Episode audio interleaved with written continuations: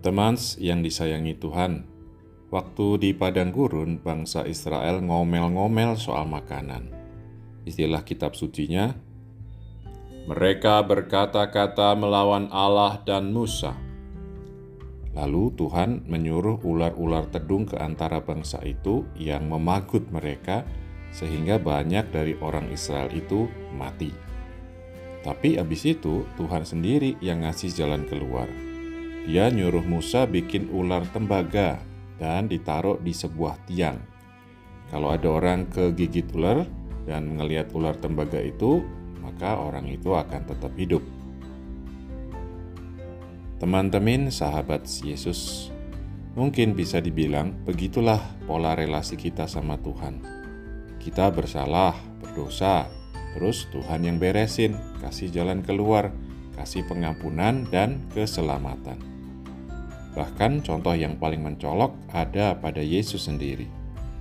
Yesuslah ular tembaga Allah yang ditinggikan di kayu salib.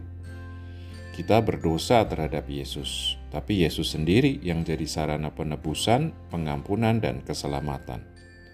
Yesus pernah bilang gini ke orang-orang Yahudi, "Jikalau kamu tidak percaya bahwa Akulah Dia, kamu akan mati dalam dosamu. Apabila kamu telah meninggikan Anak Manusia, barulah kamu tahu bahwa Akulah Dia. Teman-teman yang diberkati Tuhan, kita emang gak sempurna, malah cenderung ngelakuin yang jahat. Tapi Tuhan tahu persis hal itu dan tetap sayang sama kita dan tetap ngebelain kita.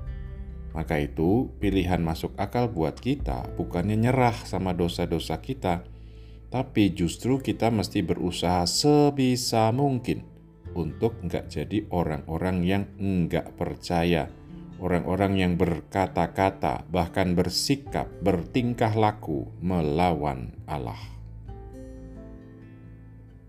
Kalian baru aja dengerin renungan si Ember bersama saya, Mo Nano. Tuhan memberkati.